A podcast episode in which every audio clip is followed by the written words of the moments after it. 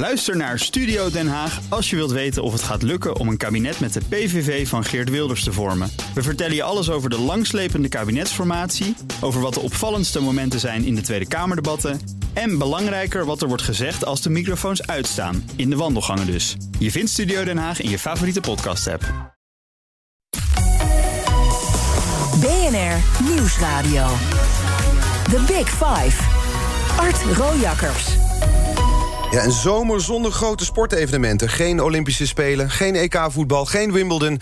En ga zo maar door. Het is een drama voor sporters, voor coaches en voor ons als publiek. Maar sport is ook big business. Wat zijn de financiële gevolgen van een zinderende zomer zonder sport? Daarover gaat het vandaag in BNR's Big Five van de verloren sportzomer. Vandaag hier te gast sportmarketeer Frank van der Walbaken. De man die onder andere het Holland Heineken House bedacht. ING in het Nederlands elftal koppelde, net als KPN en het schaatsen. En dan kan ik nog wel veel langer doorgaan, toch? Ehm, ja, ik vind het altijd een beetje lastig om over, over mezelf te praten. Maar ik, eh, ik ben een, ja, een zekere mate een pionier geweest in dit uh, nieuw ontwikkelde vak. Het is een relatief nieuwe industrie. Uh, het liep parallel met de opkomst van televisie, want sport is bij uitstek geschikt als visueel medium. En daarom, jij zei net slachtoffers in deze tijd van de corona. je noemde een rijtje partijen op, maar je, je noemde niet media. Nee. En, en, de media vind ik een, nog een van de belangrijkste partijen die het slachtoffer worden, afgezien van de consument uiteraard. En waarom zijn de media een groot slachtoffer? Nou, je, je, je merkt nu zeer nadrukkelijk dat, dat, dat hoe de consument sport mist. En dan zeg ik niet alleen, niet alleen live sport, maar überhaupt de totale sport. En dus de media zitten allemaal te springen uh, om content. En daar is sport sport en nieuws zijn eigenlijk de twee belangrijkste items. Nou, nieuws kan je niet sturen, sport kan je sturen. En we zitten nu naar eindeloze herhaling op tv te kijken in plaats van een sportwedstrijd. Exact. En ook dat is overigens best wel leuk. Maar aan de andere kant zijn er ook nog eens uh, op dat, dat, dat sportveld, tussen aanhalingstekens van mediapartijen, verschijnen er per dag nieuwe partijen. De traditionele lineaire trajecten, die kennen we allemaal. Maar we worden nu geconfronteerd met de Amazons van deze wereld, de Netflix van deze wereld, de Twitters van deze wereld, de YouTubes. Die allemaal ook sport willen brengen. Waarom? Omdat de consument daarom vraagt. Het is pure marketing. Ja. We willen meer, meer, meer sport, maar we hebben geen sport deze zomer. Wat betekent dat voor u als sportmarketeer? Wordt u direct geraakt? Nou ja, eh, eh, in zekere zin wel. Want, want de meeste partijen waar ik mee te maken heb, dat zijn eh, de, de potentiële sponsors en de bestaande sponsors. Dat zijn de media. en niet in het minst natuurlijk de sport zelf. Dat is een driehoek. En daar in het midden van die driehoek zit de consument. Uh, aan mij de taak, zo zie ik het althans, om van die driehoek een cirkel te maken waarin ze elkaar constant blijven voeden. Want er is nergens een concurrentiestrijd gaande, anders dan onder de verschillende media en onder de verschillende sponsors. Maar als er eenmaal een driehoek is, dan kan je daar een mooiere cirkel van maken, waardoor ze elkaar voeden en elkaar sterker maken. Want de consument wacht op mooie sport, de sponsor wacht op mooie sport, de media wacht op mooie sport. De sport kan dat bieden door de sponsors en de mediarechten. Dus eigenlijk maakt u van een driehoek een bal. Ja, ja. nou, en bal is sport, hè? Precies, ja. Laten we eens kijken wat er in totaal verloren is gegaan deze zomer. Want is daar eigenlijk een schatting van te maken? Hoeveel, hoeveel financieel, hoe groot is het financiële verlies... doordat Olympische Spelen niet doorgaan, Wimbledon niet doorgaan... de Formule 1 en Zandvoort? Is dat bij elkaar op te tellen? Hebben we het over miljarden? Ja, ik, zal, ik ben ervan overtuigd dat er partijen zijn in deze wereld... die daar proberen een sommetje van te maken. Ik kan dat sommetje niet maken, maar je hebt het niet over miljoenen... je hebt het over miljarden. Ja, want alleen de Olympische Spelen al draaien met een budget van... wat is het, 11 miljard, dacht ik toch, naar verluid. Ja, ja. En, en, en, het IOC heeft gelukkig een eigen vermogen van over een ruime miljard... Dus daar hoeven we niet zo medelijden mee te hebben. Die kunnen wel wat hebben, uh, maar Tokio zit best wel in de problemen. Uh, want het is een combinatie van Tokio en uh, Lausanne IOC... die de, de centen ophoesten. En het IOC heeft veertien grote sponsors... Ehm, waarvan er enkele nu hebben gezegd... we trappen even op de handrem... om te kijken hoe het zich ontwikkelt voordat wij onze contracten verlengen. Dat is al penibel voor Lausanne. En dat is ook waarom Lausanne heeft gezegd, het IOC dus... van kosten wat het kost, die spelen moeten doorgaan. Want als we uitstellen, eh, definitief uitstellen hetgeen goedkoper is dan het nu te laten doorgaan in 2021, dan krijg je een situatie waarin de, de grote sponsors van het IOC zullen gaan zeggen van ja, dan nemen wij in de toekomstige contracten nemen wij clausules op waardoor we makkelijker kunnen uitstappen. En dat is natuurlijk het laatste wat het IOC wil. Maar is eigenlijk dan zo dat eh, de Olympische Spelen dus een jaar verplaatst zijn. Dat is puur een commercieel uh, besluit geweest. Nou, het is, besluit. Het, is, het, is, het is commercieel besluit geweest als je kijkt naar inderdaad de financiering van de Spelen. Maar het is natuurlijk uh, een, een waanzinnig moeilijk besluit geweest ten aanzien van de sport. Uh, en daar, daar, gaat het uiteindelijk om. Hè. De sport is, is en blijft het belangrijkste. En dat moeten we ook vooral zo houden. de sporters die zich voorbereiden op die Spelen, die zijn daar vier jaar mee bezig. En die, dat is hun ultieme doel. En als ze dan opeens voor de kiezer krijgen een jaar uitstel, terwijl ze alles hebben toegewerkt naar dat pieken in de zomer, dus nu eigenlijk van 2020, moeten ze dat opeens een jaar onderbreken. En dat is voor coaches en voor trainers en voor de sporters zelf niet in het minst, is dat een waanzinnig moeilijke situatie. En er zitten mensen tussen, ik noem er maar één, Epke Zonderland, die zich nu gaat afvragen: moet ik überhaupt nog wel blijven? Want dit zou zijn laatste kunstje zijn. Mm uh, en, en, en, maar hem een beetje kennende ben ik ervan overtuigd dat hij aan boord blijft. Maar uh, morgen heb je als gast Henk Grol. nou, die heeft vele medailles al gewonnen, maar nog niet goud. En die heeft maar één doel voor ogen: goud in Tokio. Notabene in Tokio, waar in 1964 Anton Geesink met de nummer 1 sport van Japan eh, de Japanners versloeg. Dus Henk die wil dat ook. Ja, en dat zijn, dat, dat zijn de sporters. En dus voor hen zijn de consequenties overduidelijk. Op, op marketinggebied, op commercieel gebied. Wat zijn de consequenties? Voor hoeveel oranje wuppies zijn we bijvoorbeeld behoed deze zomer? Nou ja, we zouden deze zomer zou een fantastische zomer zijn. Ik heb me er jarenlang eigenlijk alweer op verheugd. En ook met, met mijn eh, opdrachtgevers en uh, mijn niet-opdrachtgevers, gewoon puur mijn hele vak heeft zich verheugd op de, zomer van 2020. Want dit had een mooie zomer moeten worden met al die evenementen. Olympische Spelen, eh, EK voetbal. En dan hebben we het niet over Wimbledon. Maar Tour de France gaat dan waarschijnlijk nog wel door. Eh, maar het is een, een, een, een arme, tussen aanhalingstekens, zomer geworden... voor wat de sportliefhebbers betreft. En dat zijn er gelukkig heel erg veel. Ja, maar die, al die sponsormogelijkheden die er waren...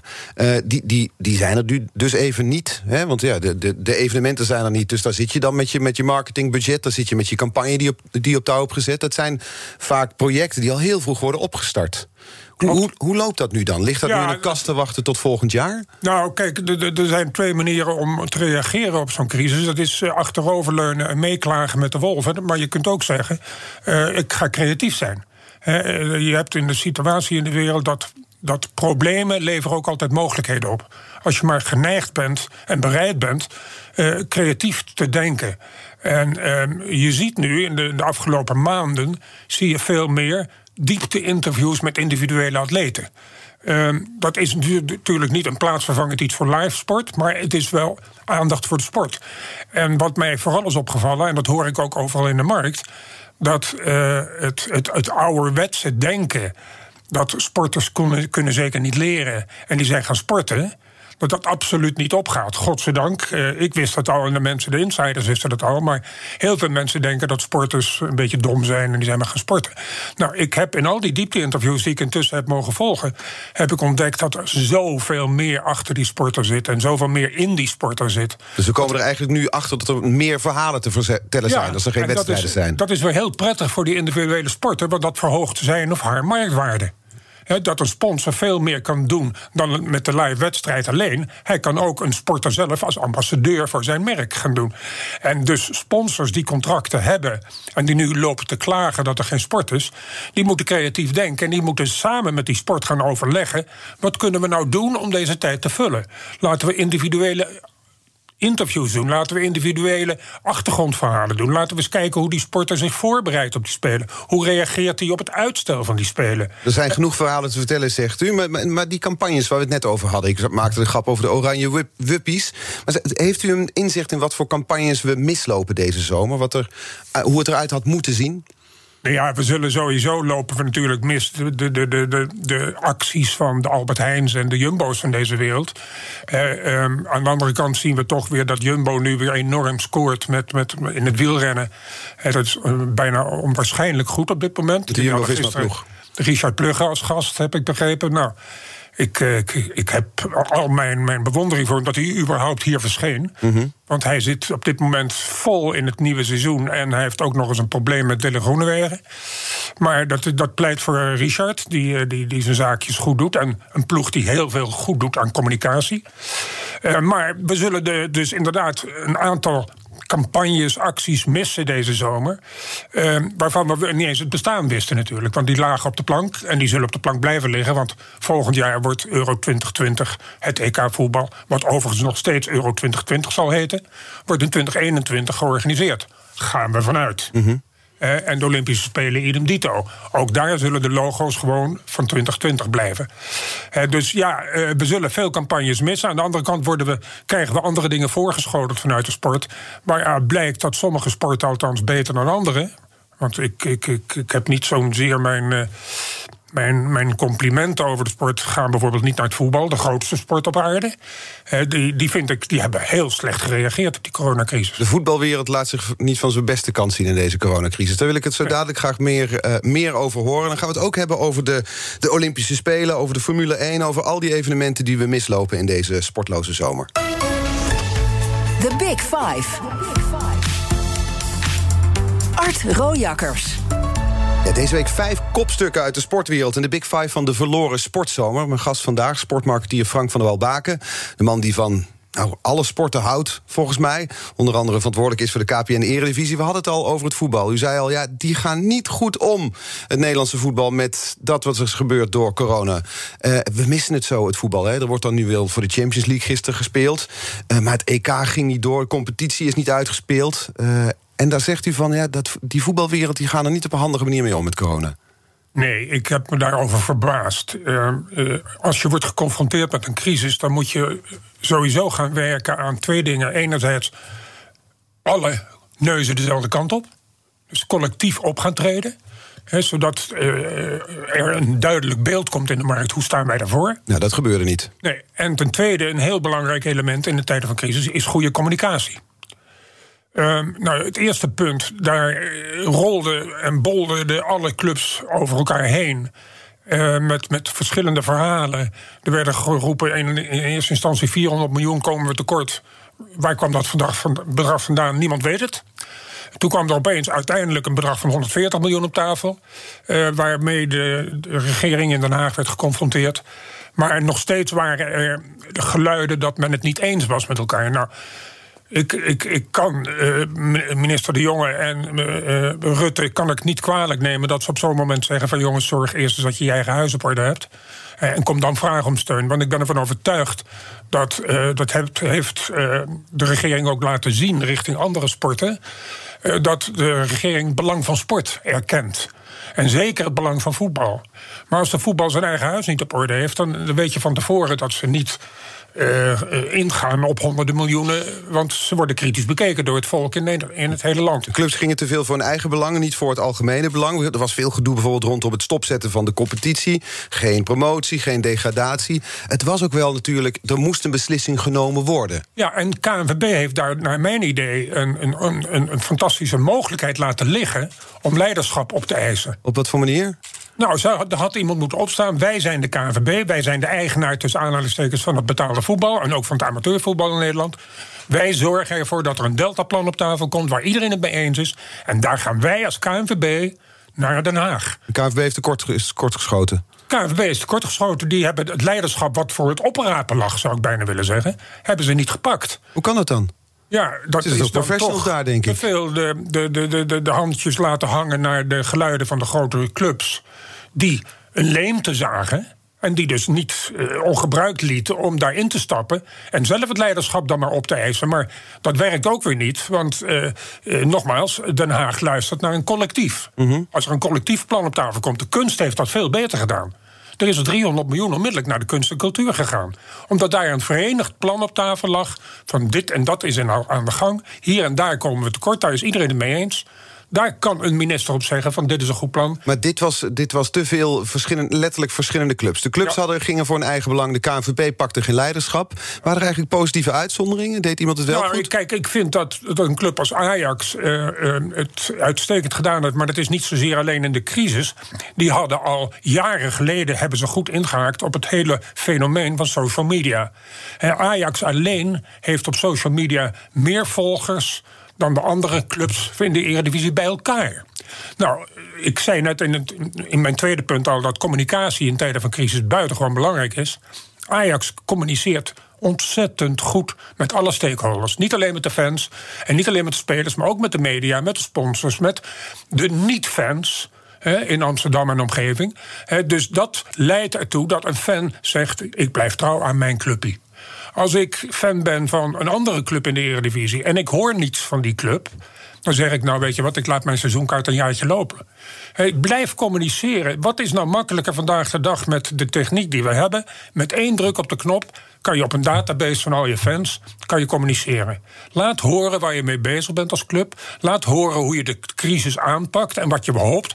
En dat je rekent op de trouw van je fan. Dus clubs laten het ook naar de fans toe afweten? Ja, als de fans niks horen van hun club, dan zeggen ze: Ja, verdorie, ik ben al jarenlang fan. Ik koop jarenlang een seizoenkaart. Uh, ik heb mijn passie en mijn liefde wel getoond aan die club. En Waar nu zijn jullie nu? In problemen hoor ik niks van jullie. dus de communicatie, het, het, het, is zo simpel. En met de techniek van vandaag de dag kost het nauwelijks iets. Dus wat is nou makkelijker dan op een knop drukken met een goede mail? Maar hoe kan het dan dat het niet gebeurt? Het is een, het is een miljoenenbusiness. Dat zijn, ja, het, is het, het is toch, ik kan het niet anders toeschrijven naar het opportunisme, het korte termijn denken in de voetballerij. Ze denken aan de wedstrijd van aanstaande zondag. Staan de lijnen op het veld? Zijn de kroketten ingekocht? Zijn de biertappen aangesloten? En dat is het dan? Niet op lange termijn denken. Het, het zie je ook in het aankoopbeleid. Het klinkt amateuristisch, die opsomming. Ja, maar dat zie je ook in het aankoopbeleid. Is er een speler geblesseerd, een linksbenige middenvelder... en er komt een nieuwe sponsor, dan wordt het geld onmiddellijk aangewend... om een nieuwe speler aan te trekken. Terwijl dat eigenlijk zou moeten worden gestopt in de clubkas... waardoor ze op lange termijn betere voorzieningen gaan treffen... waardoor de fans meer komen. Uh, het is, eh, opportunisme is helaas, ik, ik ontkom niet aan die conclusie... is nog steeds troef in de sport in zijn algemeenheid... maar zeker in het voetbal. Ja. Het is een trieste conclusie inderdaad. En als we dan naar de uh, Olympische Spelen kijken... we hadden het er al even over, dat, dat wordt dus niet... Uh, het, gaat door, maar dan pas een jaar later. De Spelen worden uitgesteld, ook uit commercieel oogpunt... omdat anders de bedragen nog hoger zijn... de schadeposten nog hoger. Um, maar die, die Spelen volgend jaar... Ja, hoe, hoe moet dat dan? Is dat dan een versie waar echt op elk dubbeltje gelet moet gaan worden? Nou, dat denk ik niet. Uh, er is voldoende geld. Uh, het IOC is is een waanzinnig machtig lichaam. Niet alleen vanwege uh, het eigen vermogen, wat ruim een miljard is, maar uh, ook vanwege de, ja, de positie die de sport in de wereld heeft verworven.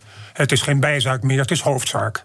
Uh, economieën drijven erop en er gaat zoveel geld in om. Dus hele bedrijfstakken drijven erop. Dus de sport is een waanzinnige pilaar in de samenleving geworden. Dus de Olympische Spelen is het neusje van de zalm. Eén keer in de twee jaar winterspelen, zomerspelen. Maar de zomerspelen zijn natuurlijk het grootst, één keer in de vier jaar. Uh, dus hele grote bedrijven die beseffen dat een associatie met die Olympische ringen, dat is het wereldwijde symbool van kwaliteit, sportieve kwaliteit. Uh, dus daar willen bedrijven zoals de Coca-Cola's, de Procter Gamble's, de General Electric, die willen daar graag bij horen. Uh, en als Coca-Cola op een gegeven moment zou zeggen: ik doe het niet meer, dan is Pepsi er onmiddellijk in. Uh, dus dat weet je van tevoren. En die betalen niet geringe bedragen, om, om bij de, tussen de 40 en de 50 miljoen per jaar. Dus alleen al daarom moet het doorgaan. Dus alleen al daarom is het belangrijk dat het doorgaat. Maar het is ook voor de uiteindelijk waar het geld vandaan komt, hoe je het ook went of keert, de consument die smult van die Olympische Spelen. Die verlangt naar die Olympische Spelen. En dat is ook het geheim van één keer in de vier jaar. Als we het één keer in, de jaar, in per jaar zouden doen, dan zou het al een stuk minder worden. Schaarste. Ja. Schaarste, koesterschaarste. Hè? Les 1 van het handboek marketing. Uh, dus dus, dus uh, ja, die spelen dat die moeten doorgaan, dat is evident. En, en er schijnt nu, Thomas Bach, de voorzitter van het IOC, heeft al een paar keer geroepen uh, dat uitstel of afstel na volgend jaar is geen optie.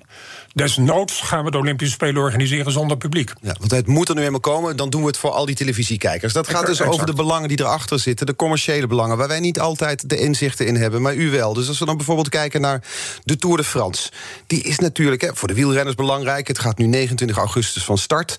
Uh, maar het is natuurlijk ook één grote promotie voor het land Frankrijk. Ik heb me laten vertellen dat die, die, die kastelen die je dan ziet, hè, die helikopterbeelden en zo, dat het eigenlijk bijna net zo belangrijk is als de beelden van de wielrenners zelf. Maar weet je, het is, het, is, het is als je de Tour de France zit te bekijken als wielerliefhebber, dan vind je het normaal. En dat is zo belangrijk voor, voor alle, alle stakeholders. Dan vind je het normaal dat je ook beelden ziet van de omgeving. Mooie kasteeltjes, mooie stranden, mooie bergen, zichten, mooie meren tussen de bergen. En dat is dus op een hele slimme manier is dat nu als onderdeel van de uitzendcontracten is dat opgenomen. Het staat zelfs in de contracten. Het staat in de contracten dat de zenders die beelden moeten meenemen. Sterker nog, er worden door de, de, organisatie vanuit Frankrijk worden er commentaren geleverd bij de verschillende kastelen die je ziet. En die teksten moeten worden opgelezen door de commentatoren of ze verschijnen in beeld in tekst. zodat echt die beelden leiden tot toerisme. En de Tour de France. En ik maar denken dat die NOS-commentatoren dat allemaal netjes in een vakantieboekje zitten te noteren en op te zoeken. Maar dat wordt gewoon aangeleverd vanuit de organisatie. Dit zeg je hier over dit kasteel. Ja, en dat is niet alleen bij de Tour de France tegenwoordig zo. Dat is bij alle grote sportevenementen zo. Dat de toeristische beelden. die worden doorvlochten door het sporttraject. waar niemand bezwaar tegen zou hebben. Want iedereen zegt: Oh, wat mooi. dus het is niet gekunsteld, commercieel, uh, duidelijk eh, advertentieachtig. Nee, het is gewoon puur. We zitten in Portugal met een evenement. En we zien de mooie beelden van de stranden in Algarve. Waar ik in mijn naïviteit dan denk: ach, wat is het mooi daar. Daar zit dus een heel plan achter. Er zit een hele marketingafdeling te bedenken. Hoe gaan we dat kasteel zo goed mogelijk verkopen. Zodat ze daar in Nederland in de woonkamer denken: daar wil ik wel eens op vakantie. Niet, niet voor niets zijn er al heel veel landen, met name uit het Verre Oosten, het Midden-Oosten en ook uit Afrika, die uh, sponsorcontracten aangaan om op shirts te verschijnen. visit Rwanda dat, dat zie je tegenwoordig op shirts aan. Dus de, de, de sportbeelden zijn zo belangrijk voor toerisme. En zoveel landen in de wereld zijn voor een zeer belangrijk deel afhankelijk van toerisme. dus, dus in deze tijd, waarin iedereen bang is om te vliegen en dus vakanties allemaal op de tocht staan is het extra belangrijk dat deze beelden in beeld komen. Waardoor de mensen thuis zeggen: God, volgend jaar zouden we misschien toch eens naar Frankrijk moeten gaan. Een, een, een rondtripje maken langs alle mooie kastelen. Ja, zo werkt dat dan. Ja. Dat is dus de wereld die erachter zit. Het is een beetje een triest rijtje dat, dat we aflopen. We hebben het over het voetballen gehad, de Olympische Spelen, over het wielrennen. Nog zo'n domper dan. Uh, de Formule 1. Na 35 jaar zou het dan gaan gebeuren in Zandvoort. Eindelijk weer die Grand Prix. 3 mei had het moeten zijn, maar ja, het ging niet door. Uh, wat hebben we daar op marketinggebied mee verloren? Nou ja, in zoverre hebben we er uh, uh, niets mee verloren. Daar bedoel ik mee dat uh, de, de, de, de, organisatie van Zandvoort heeft onmiddellijk gezegd: in onze begroting is een zeer belangrijke post de recettes. De mensen die moeten komen. Die kunnen nu niet komen, dus moeten wij een streep zetten door onze plannen. Er zijn landen waar het zeer zwaar gesubsidieerd is, zo'n Formule 1 race. Waar ze zonder publiek in de race. Waar ze het redden financieel zonder publiek. Dus um, de, de, de, de Formule 1-organisatie is eigendom van Liberty Media. Uh, meneer John Malone is daar de, de CEO.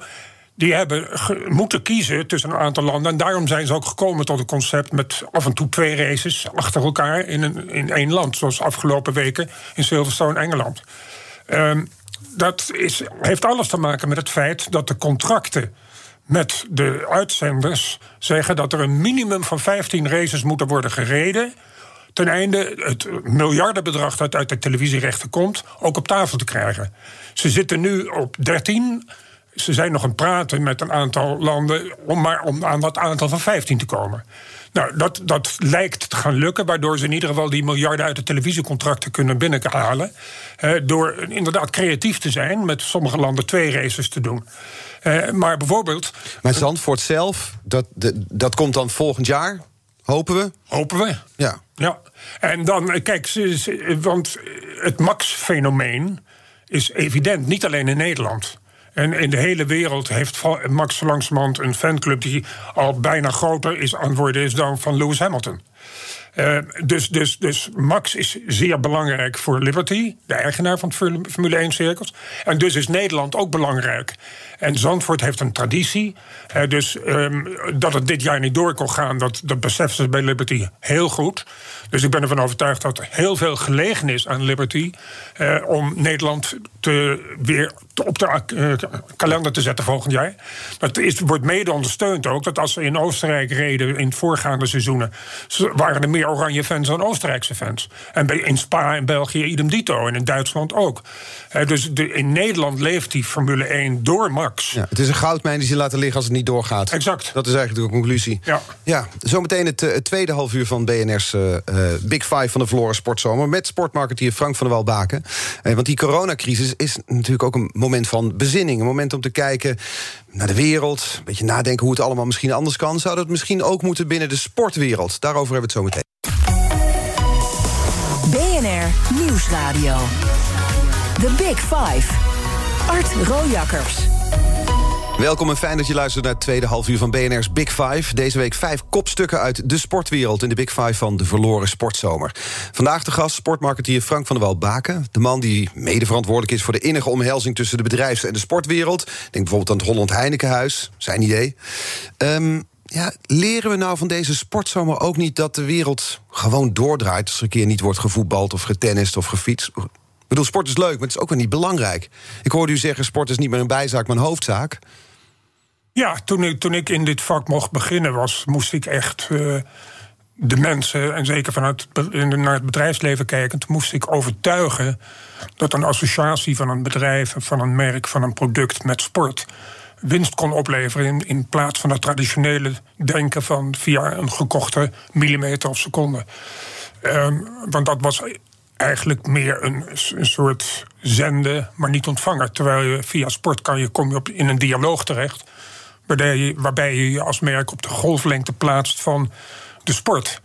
Um, toen toen uh, bijvoorbeeld ABN AMRO hoofdsponsor werd van Ajax... Toen, toen, dacht de hele wereld, wat is hier in godsnaam aan de hand? Want ABN, maar dat was omdat ABN AMRO werd gepercipieerd als een ivoren instituut waar je eigenlijk alleen welkom was als je een 5 miljoen op de bank had staan en als je een driedelig grijs pak aan had.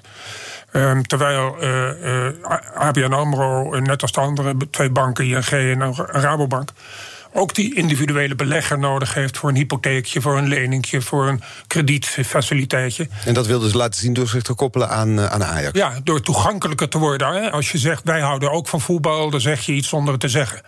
Dan word je opeens toegankelijk voor die kleine man.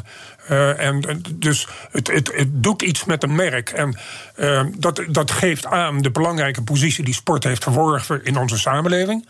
Vroeger was het iets voor een wedstrijdje in het weekend, was het vooral om gezond bezig te zijn. Maar het is nu een entertainmentindustrie geworden, die, die, die vele malen groter is dan alleen maar de mensen die zondag willen sporten. Maar die basis van zondag willen sporten is wel de basis van de topsport waar mensen zo van genieten. Maar is het niet te veel? Is het die entertainmentindustrie, als we daar naar kijken, er is een instituut uh, heeft berekend dat het aantal uren sport op tv tussen 1991 en 2005 verviervoudigde.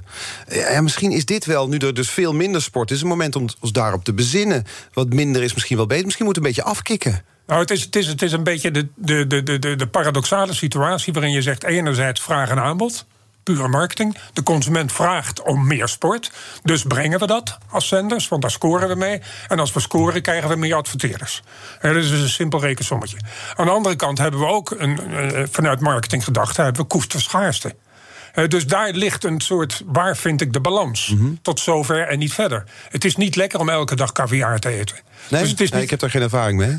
nee, ik weet het niet, niet maar als je, als, waarom is caviar zo, le zo lekker? Of vinden veel mensen het zo lekker? Omdat het zo schaars is en zo duur is. En ze kunnen het misschien maar één keer per jaar eten... of één keer in hun leven. Mm -hmm. uh, dus dus uh, als je te veel sport gaat brengen... als je elke avond een voetbalwedstrijd zou hebben... dan zouden jij en ik tegen elkaar zeggen van... nou, weet je wat, ik ga vanavond een hapje eten... want die wedstrijd, morgen heb ik er weer een. dus daar ligt een, een, een, een dilemma voor de sport. En dat is een heel delicaat dilemma, omdat ik de sport generaliserend niet toedicht dat er nou een enorme expertise aanwezig is op dit gebied. Ze weten heel veel van de sport, maar ze weten in mijn ogen vaak te weinig van marktsituaties, van marketing, van, van, van het schaarste effect. En ze zijn opportunistisch. Opportunistisch is denken zo snel mogelijk, zoveel mogelijk geld uit de markt halen. Want dan kan ik een nieuwe speler kopen en dan kan ik de Champions League winnen. Ja, Even dat is kort door de bocht. Dat is de gedachtegang. Ja. Dus, dus dat opportunisme is vaak troef in de sport. En de sport heet modern te zijn, maar ik ken geen wereld die zo conservatief is als de sportwereld in het algemeen en voetbal voorop. Dus, dus, dus, ja. Maar zitten we dat conservatieve in? Gewoon niet meegaan met de tijd van nu? De tijd verandert zo snel. En wat, we leven nu in een tijdperk van de nieuwe media en de technische ontwikkelingen en de social media. De sport kan dat gewoon niet bijhouden. En daarom ben ik ervan overtuigd dat de sport is niet groot geworden dankzij, maar ondanks. Uh, ik denk dat uh, uh, we hebben ontzettend veel sportverenigingen in Nederland. Ik denk dat we in de toekomst zullen toegaan naar een situatie waarin de grotere sportverenigingen met meer dan 600, 700 leden, die gaan allemaal toe naar een professionele manager. Want zo'n professionele manager verdient zichzelf terug. Die gaat communiceren met alle stakeholders, niet alleen met zijn leden. Die gaat zijn leden behandelen als klanten, zoals Albert Heijn dat doet en Jumbo dat doet. -hmm. Die gaat communiceren met de media, de lokale media. Die gaat communiceren met de lokale sponsors. Waardoor hij zijn salaris binnen de kortste keren terugverdient. Ja. En dan leidt dat ertoe dat de sport ook wat meer zakelijk gaat denken. Waarbij ik overigens. Maar direct... gebeurt dat dan niet te veel? Als ik toch nog even daar, daarna terughaal. Dat, dat zakelijke denken. Dat sport als hoofdzaak en niet als bijzaak. Als we kijken naar de Olympische Spelen. Heeft dat bijvoorbeeld niet zijn doel voorbijgestreefd? Het begon als een soort verbroederend sportfeest. Volken bij elkaar brengen. En nu is het een miljardenbusiness. 11 miljard uh, ging er in Japan als omzet had er moeten zijn. Met bijbehorende corruptie. Het is een soort megalomaan miljardencirkel. Dat is het, uh, maar dat, uiteindelijk wordt het gevoed door de belangstelling vanuit de markt. Uh, en uiteindelijk is het de consument, jij en ik, die dit, die dit bepalen. Want jij en ik hoesten uiteindelijk het geld op dat het bedrijfsleven erin pompt, dat de media erin pompen. Het moet ergens vandaan komen. Dus dat is de grote vraag- en aanbodsituatie. dus dus je, je kunt wel zeggen: is het niet te groot? Nee, de plafonds zijn nog niet bereikt. Ik ben er ook van overtuigd. Is, gaat het, het gaat niet meer om de sport. Zo'n Holland Heinekenhuis dat u heeft bedacht, dat leidt misschien ook wel af van de sportprestaties. Het is, het is vooral kermis geworden. Het is vooral ja, alles erom en eraan. Maar we moeten wel beseffen dat, dat zo noem ik het maar even, wat er rondom het veld gebeurt, financiert er wat er op het veld gebeurt.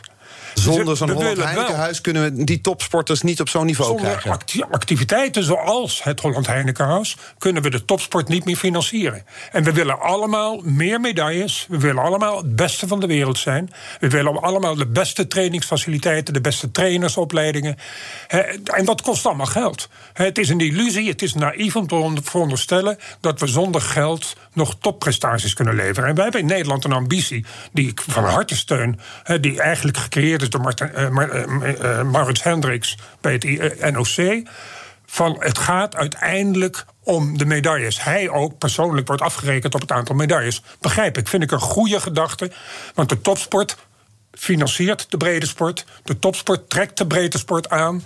En om de topsport te financieren heb je de marketing eromheen nodig. Ja, Sven Kramer zorgt voor dat er weer nieuwe aanwas komt vanuit de jeugd voor het schaatsen.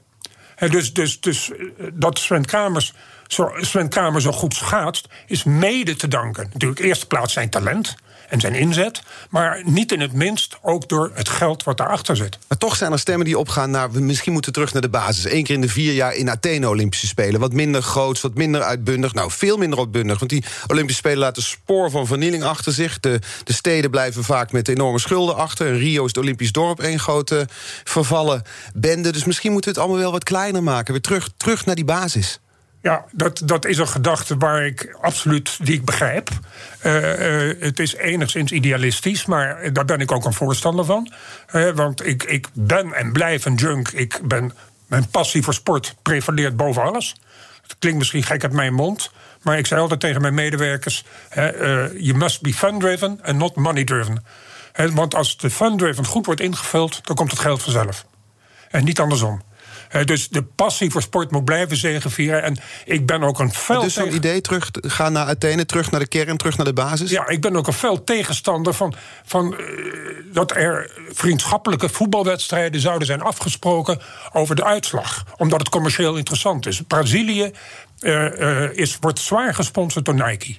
Nike opende een fabriek in Thailand en een nedervest. En die had onderdeel van het contract was met de Braziliaanse ploeg dat ze af en toe een wedstrijd moesten spelen op verzoek van Nike. Dus de Braziliaanse ploeg, inclusief de sterren, stond in de contracten, moest aantreden in Thailand tegen de Thaise ploeg.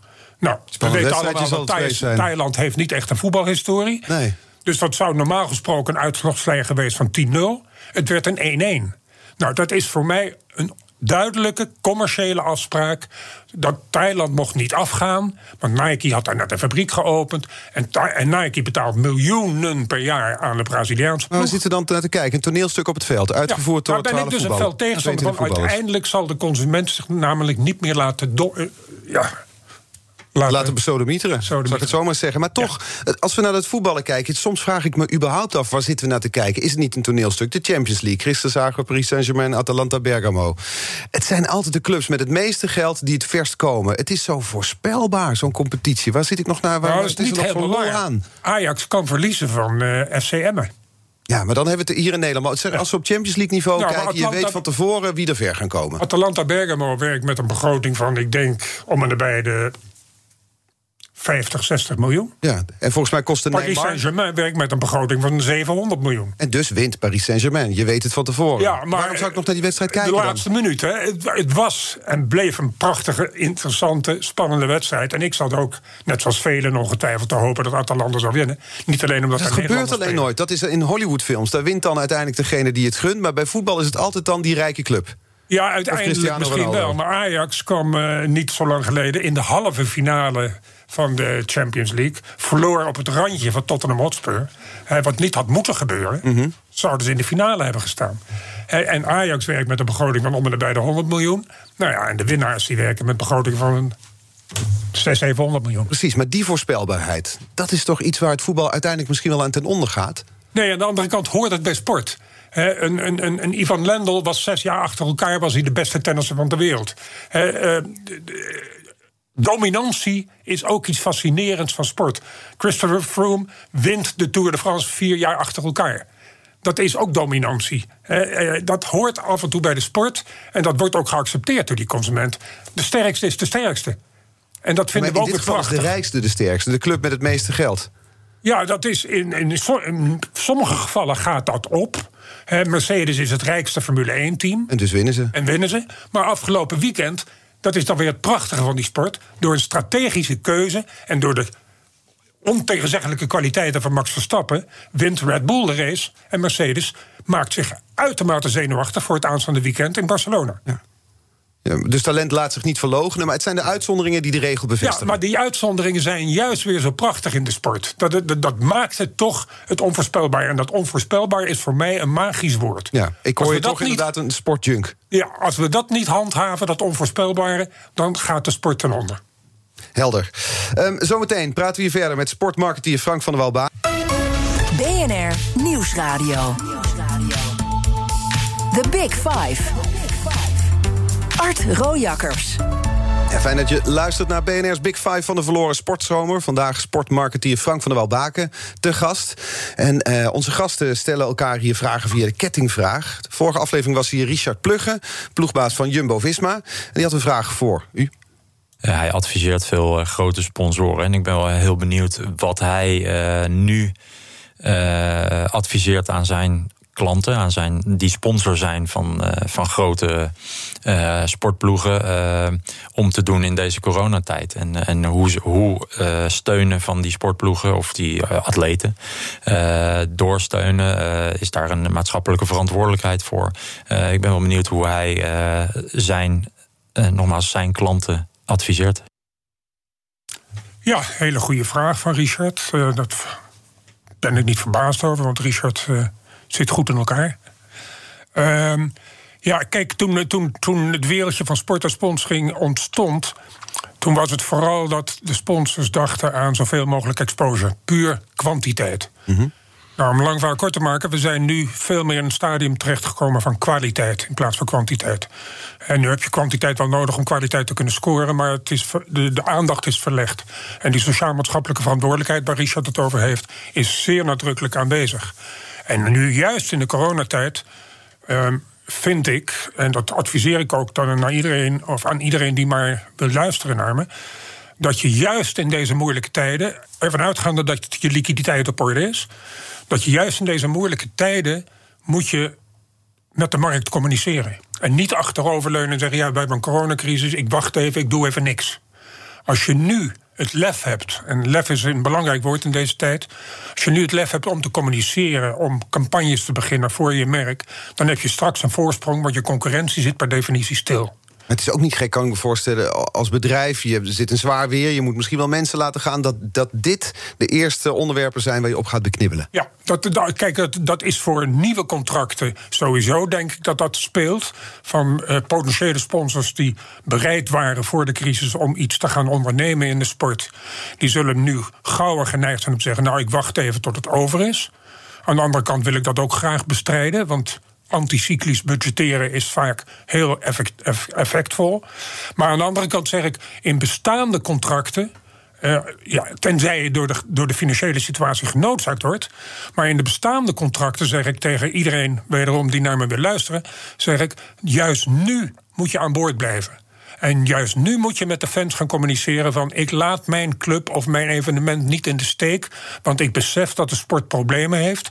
En als ik nu uit zou stappen, dan zou alle goodwill die ik heb opgebouwd met mijn sponsoring, zou in één keer afbreken. Hè. Vertrouwen komt te voet, maar vertrekt per paard. Mm dus dus, dus um, ik adviseer echt de mensen in antwoord op Richard's vraag probeer, als het wat liquiditeit betreft kan, probeer aan boord te blijven. En niet alleen aan boord te blijven, maar zeg tegen de fans en zeg tegen alle stakeholders van wij blijven natuurlijk aan boord. We zijn sponsor voor better en for worse.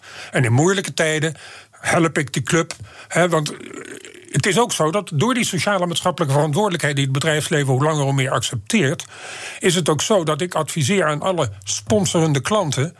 Stel jezelf de vraag in jouw sponsorsituatie: lever ik daadwerkelijk een bijdrage om die sport beter te maken?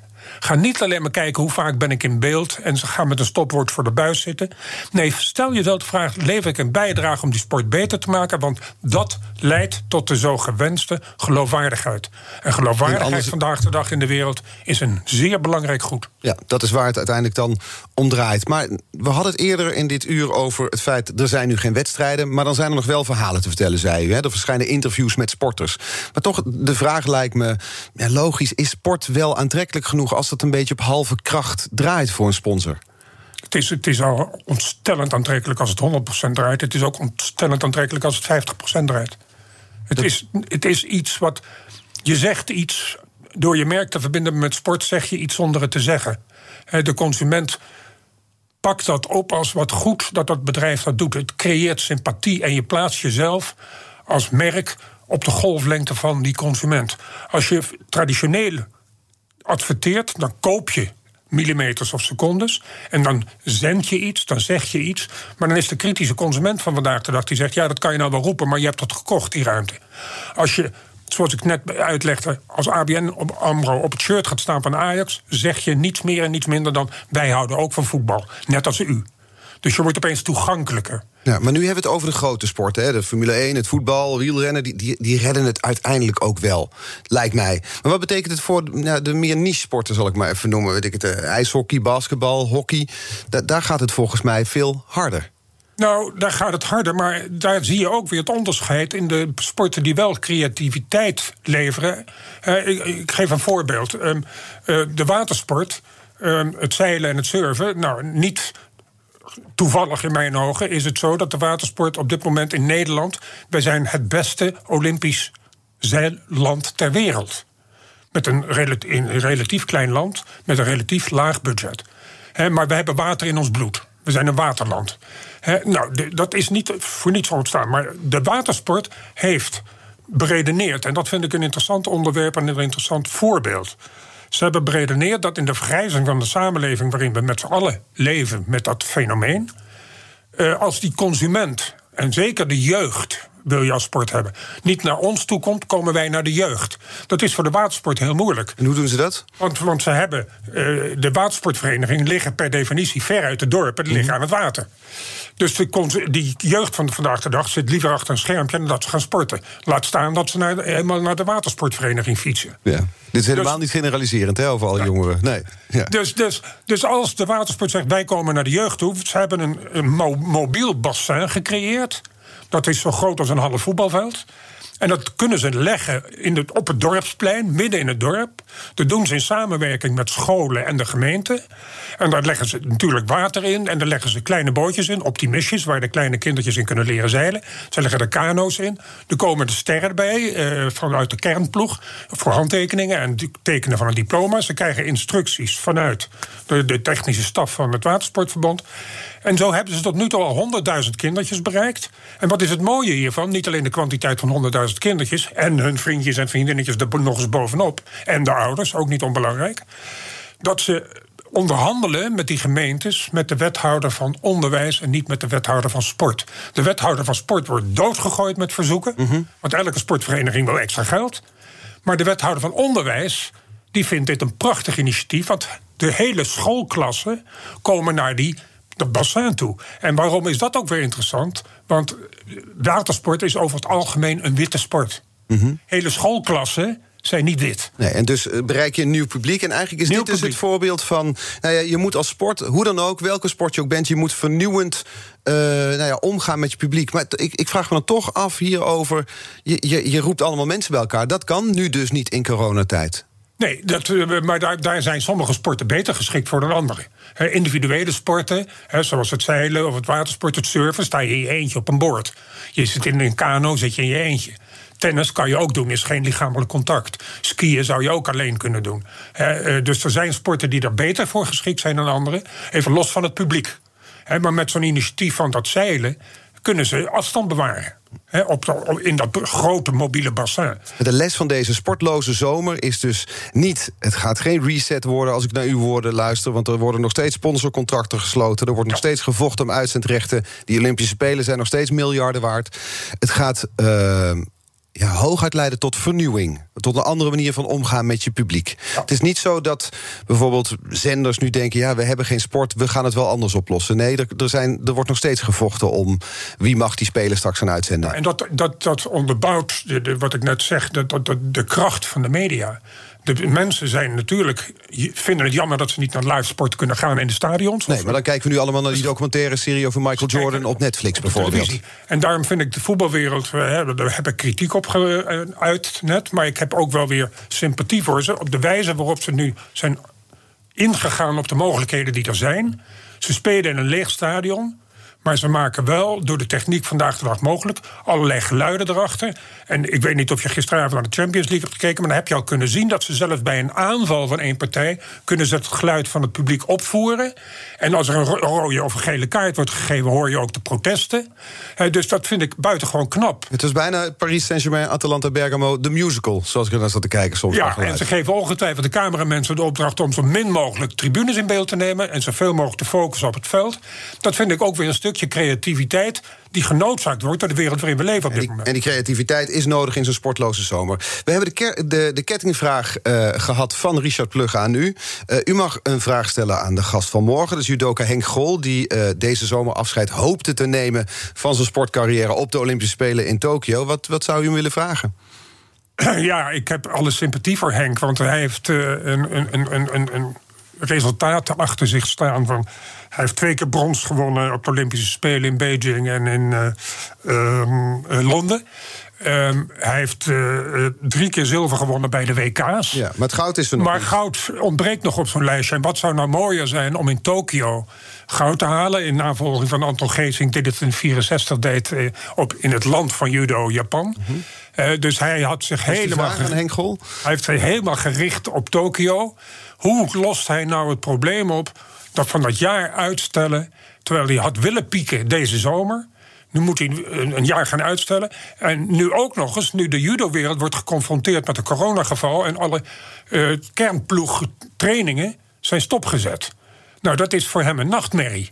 Dus, hoe gaat hij staat hij nou ooit misschien wel eens in een dilemma van... weet je wat, ik ga met een buitenlandse ploeg mee trainen waar ze wel trainen? Dat is dus mijn vraag. Hoe lost hij dit probleem op? We gaan het morgen vragen. Ik ga het morgen vragen aan, eh, aan Henk Grol... die hier dan te gast is in BNR's Big Five van de sportloze zomer. Ik wil u danken, sportmarketeer Frank van der Wal Baken. Dank Graag gedaan. voor de aanwezigheid. Alle afleveringen van BNR's Big Five zijn natuurlijk terug te luisteren. Je vindt de podcast in de BNR-app en op bnr.nl.